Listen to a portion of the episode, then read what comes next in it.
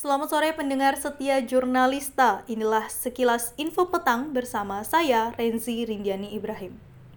Mahasiswa Sastra Indonesia Universitas Ahmad Dahlan Yogyakarta, Narenda Bramantio berhasil meraih juara tiga menulis puisi pada kompetisi menulis puisi dan fotografi atau kolega tingkat nasional dengan tema Semarak Ramadan Memupuk Budi Pekerti Naren menjelaskan, dalam perlombaan yang melibatkan 61 peserta menulis puisi ini, ia mengambil subtema sosial, bersumber pada sudut pandang orang-orang terpinggirkan.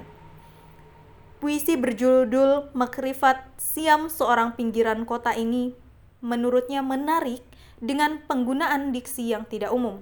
Selain itu, terdapat dua kalimat yang bermakna adanya dua hati yang bertolak belakang.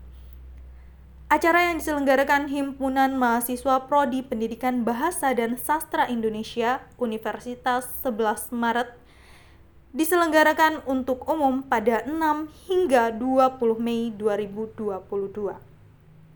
Meski bertepatan pada ujian tengah semester, Naren mengaku tetap aman dalam pembagian waktu. Ketika ditanya lebih lanjut, ia mengatakan karyanya belum bisa dinikmati halayak luas – sebab tidak dipublikasi secara umum oleh panitia. Namun, dalam waktu dekat, Naren berencana mengirimkan karyanya ke salah satu website berbayar. Pendengar setia jurnalista, demikian sekilas info petang hari ini. Nantikan berita menarik selanjutnya. Selamat sore. Saya Renzi Rindiani Ibrahim, pamit undur diri.